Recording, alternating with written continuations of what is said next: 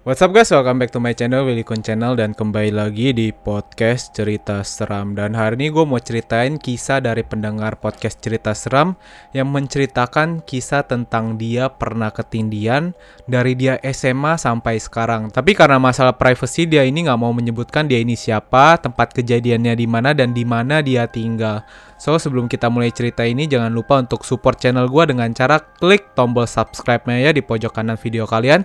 Kemudian kalau kalian dengar cerita seram ini di podcast cerita seram di Spotify, bisa langsung klik tombol following-nya aja ya guys. So langsung aja kita mulai kisah mengenai ketindihan. Kak Willy, aku pengen berbagi cerita boleh?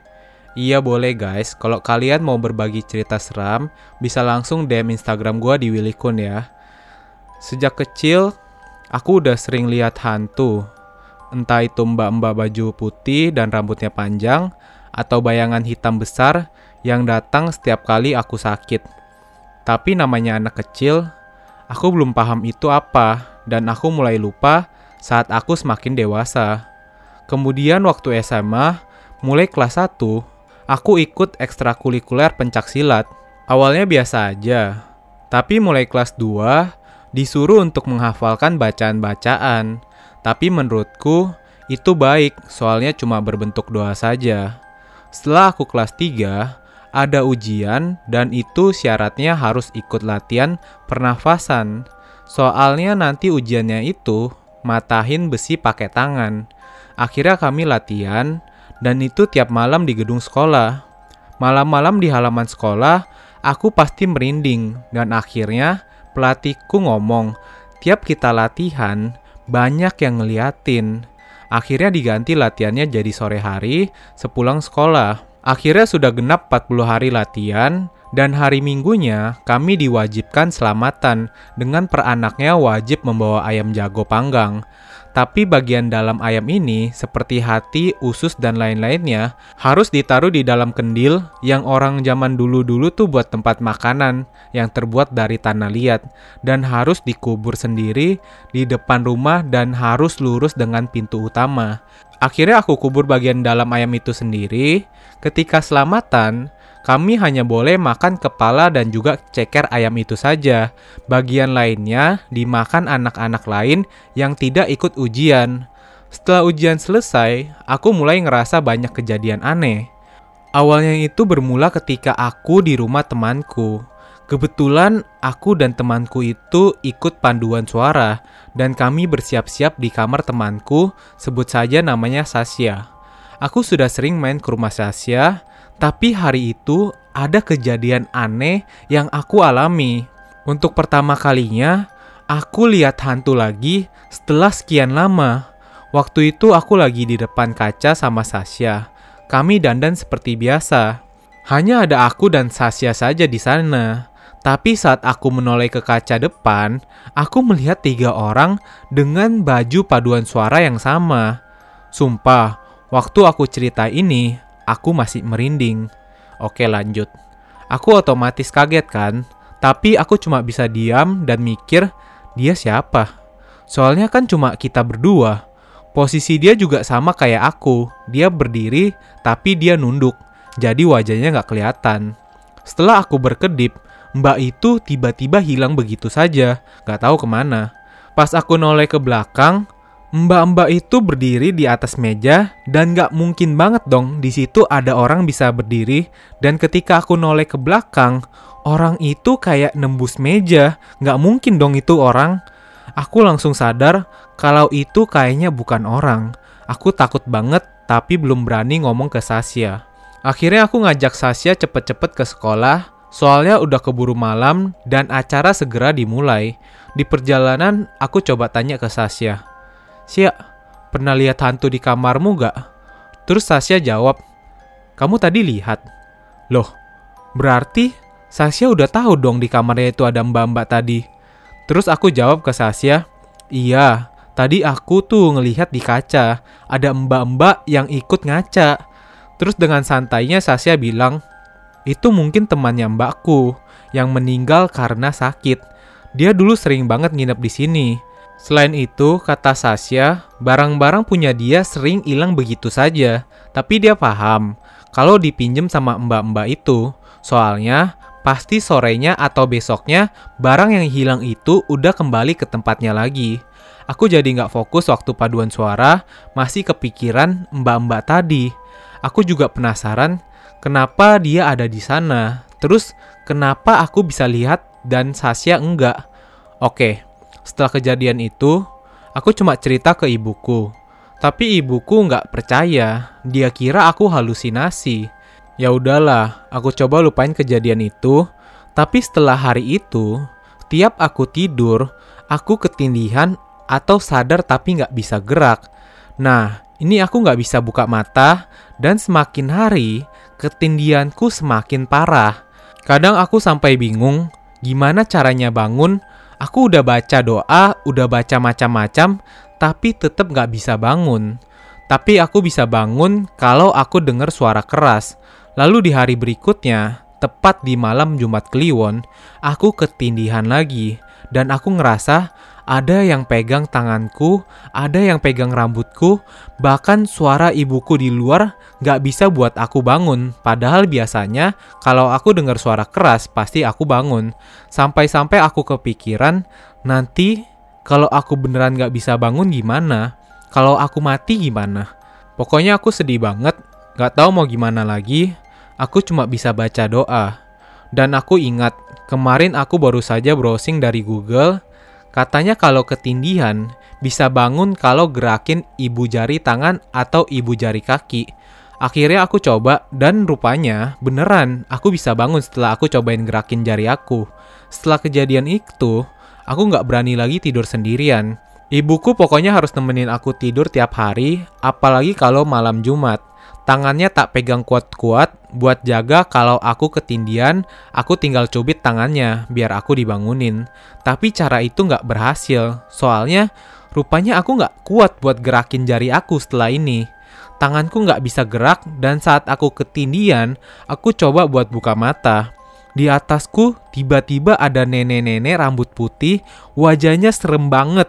Setelah itu, aku langsung pejemin mata biar aku nggak lihat nenek-nenek itu lagi.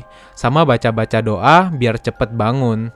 Itu berulang setiap hari, apalagi kalau malam Jumat. Itu yang paling parah pokoknya kalau malam Jumat. Kemudian besoknya, di sekolah waktu pendalaman sebelum UN, waktu guru jelasin materi pelajaran, tiba-tiba aku nggak bisa nahan ketawa. Aku ketawa, tapi nggak bisa berhenti. Dan itu nggak ada sebabnya. Mungkin satu jam lebih aku ketawa, otomatis teman-teman bingung dong. Mereka tanya aku kenapa, aku aja nggak tahu kenapa. Pokoknya nggak bisa berhenti ketawa aja. Sampai aku nangis, aku nggak bisa berhenti. Karena aku duduk di paling belakang, jadi guru di depan nggak tahu kalau aku dalam kondisi ketawa yang nggak bisa berhenti. Teman-teman banyak yang marah, nyuruh aku berhenti. Tapi gimana lagi, aku aja nggak tahu kenapa aku ketawa dan nggak bisa berhenti. Nah, sampai pendalaman selesai dan aku baru bisa berhenti saat aku nyampe rumah. Rasanya capek banget, ketawa sambil nangis dua jam. Karena aku ngerasa ini udah aneh, aku langsung nanya ke pelatihku yang silat. Aku ceritain dari awal, dan dia cuma ngomong, gak apa-apa sambil senyum. Padahal aku pengen banget kayak dulu. Kalau gini, aku jadi nggak nyaman. Jadi takut aja gitu tiap ngapa-ngapain. Tiap hari aku mau tidur aku jadi takut, apalagi ke mana-mana, aku pasti takut banget. Nah, terutama ketika aku ngelihat kaca. Sampai sekarang pun aku nggak naruh kaca di dalam kamar karena aku takut ngelihat bayangan cewek itu lagi. Terus ada satu kejadian lagi di mana waktu ada acara sekolah, Kebetulan ada kejadian yang buat aku emosi. Akhirnya jam 2 malam, aku maksa buat pulang ke rumah sendirian. Nah, ketika aku naik motor, aku lewat sawah-sawah yang di sana jarang banget ada rumah. Waktu aku ada di jalan tengah-tengah sawah, sepanjang jalan itu banyak banget bayangan besar hitam. Mau balik ke sekolah, tapi udah terlanjur di jalan. Akhirnya aku nekat aja untuk tetap ngelewatin sawah-sawah itu Rasanya mereka kayak ngeliatin terus, sampai akhirnya aku udah tenang karena aku udah mau sampai ke daerah yang banyak rumah-rumahnya. Dan di situ daerahnya cukup terang. Di sawah tadi bener-bener nggak ada lampu, jadi gelap cuma ada cahaya dari motorku aja. Aku baru ingat, waktu aku lihat mbak-mbak di kaca itu, keadaan aku juga dalam emosi. Mulai saat itu, aku jadi belajar buat kendaliin emosi, biar aku nggak bisa ngelihat mereka lagi. Dan benar, sampai aku kuliah semester 4, aku nggak pernah lihat hal-hal seperti itu lagi. Ketindian pun juga udah nggak separah dulu. Jadi aku lebih tenang, bahkan aku hampir lupa kalau aku pernah lihat makhluk-makhluk gaib. Kuliahku saat itu full, mulai Senin sampai Sabtu, masuk terus tapi ada hari yang diliburkan. Akhirnya aku nebeng temenku yang bawa motor buat pulang ke rumah. Soalnya selama ini aku tinggal di kos. Saat pulang, aku lewat jalan yang beda dari biasanya, yaitu daerah area pemakaman. Padahal sebelumnya, aku nggak pernah lewat daerah ini. Dan kami ngelewatin area pemakaman itu masih sekitar jam 8 malam, tapi aku udah merinding aja. Gak tahu kenapa, aku tiba-tiba nengok ke area pemakaman. Padahal, Biasanya kalau aku ngelewatin daerah yang buat aku merinding, aku pasti menjemin mata. Lah, ini aku malah ngelihat ke area pemakaman dan aku kaget banget di sana ada pocong yang besar banget. Mungkin tingginya 2 meter dan sangat besar pokoknya. Aku kaget dan aku langsung diem aja sampai rumah. Setelah melihat pocong itu, aku mulai berpikir, loh, tadi kan mood aku lagi bagus dan aku lagi nggak emosi kok aku bisa ngelihat hal-hal seperti itu lagi ya? Nah, setelah kejadian itu, aku mulai ketindian lagi sampai sekarang. Tapi emang nggak separah dulu. Cuma aku bisa lihat macem-macem waktu ketindihan. Pernah juga aku ngerasa kayak meluk sesuatu. Tapi seingetku, aku nggak meluk boneka pas aku mau tidur. Dan ketika aku coba buat bukain mata, aku ngelihat itu aku lagi meluk pocong. Dan aku nggak bisa bangun aku nggak bisa gerak, ya udah deh, aku pejemin mata lagi dan banyak-banyak baca doa. Akhirnya aku bisa bangun dan setelah itu pernah juga jendela kamar aku ada yang ngetuk. Jendela aku tuh lumayan tinggi, mungkin dua setengah meter. Jadi nggak mungkin kan malam-malam ada orang yang bawa tangga buat ngetuk jendela kamarku. Jendelaku itu berbahan kayu, yang cuma ada satu pintu aja. Gak cuma sekali ngetuknya, tapi berkali-kali. Setelah itu, kayak ada orang yang maksa buat buka jendela aku. Dan aku inget banget jendelaku dalam keadaan terkunci. Dan benar akhirnya, jendelaku terbuka lebar. Aku teriak manggil ibuku, dan aku suruh nutup jendela kamarku. Setelah itu, ibuku tidur di kamarku. Ibuku sudah paham kalau ada yang gangguin lagi. Jadi aku nggak cerita ke ibu. Karena aku udah gak nyaman banget, akhirnya aku cerita ke temenku yang anak indigo. Dan dia ngajak aku ke rumah ibu temannya yang rupanya juga indigo. Di sana, aku diceritain dari awal sampai akhir. Ibu itu cuma bilang, gak apa-apa, yang penting gak ganggu dan jangan diusir. Terus aku bilang, kalau semalam dia buka jendela kamarku. Ekspresi ibu itu langsung berubah dan aku nggak tahu ibu itu baca apa sambil megang dahiku, terus dia baca-baca mantra. Aku nggak terlalu percaya sih. Tapi ya udah, coba-coba aja. Siapa tahu mata batinku bisa ditutup. Aku beneran capek, ketakutan setiap malam. Kata ibu itu, aku disuruh baca doa setiap hari biar dia bisa kembali ke alamnya. Karena penasaran, aku tanya ke ibu itu, siapa yang sering ganggu aku? Kemudian kata ibu itu, ada dua orang yang ngikutin kamu. Yang satu cowok, dia udah ikut kamu dari kamu lahir. Anggap aja dia jagain kamu. Nah, kalau yang satunya lagi itu cewek. Satu SMA juga sama kayak aku. Dia mulai ikutin aku dua tahun yang lalu. Nah, di sini aku jadi teringat sama mbak-mbak yang aku lihat di kaca di rumah Sasya. Terus aku tanya lagi sama ibu itu, Meninggalnya karena apa ya bu kalau boleh tahu? Kata ibu itu, sakit.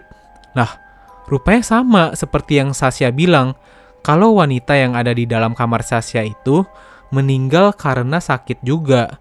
Berarti selama ini, setelah aku lihat dia di kaca, dia ngikutin aku terus dong sampai sekarang. Kata ibu itu juga, katanya sifatku sama kayak mbak-mbak itu. Jadi mbak-mbaknya seneng lihat aku. Kayak ngelihat dia waktu masih hidup. Tapi kalau dibacain doa tiap hari, dia nggak bakal ganggu kata ibu itu. Akhirnya tiap hari aku bacain doa dan sampai sekarang nggak ada yang gangguin aku. Semoga aja udah nggak datang lagi ya. Nah, ini dia cerita yang udah disampaikan dari pendengar podcast cerita seram tentang kejadian di mana dia sering ketindian. Apakah kalian juga pernah ketindian, guys? So, itu dia video hari ini dan juga podcast cerita seram. Oh iya, kalau kalian yang ngejalanin puasa, gua doain semoga bisa lancar selama satu bulan ya guys. Terima kasih sudah mendengarkan podcast cerita seram. See you guys in the next video.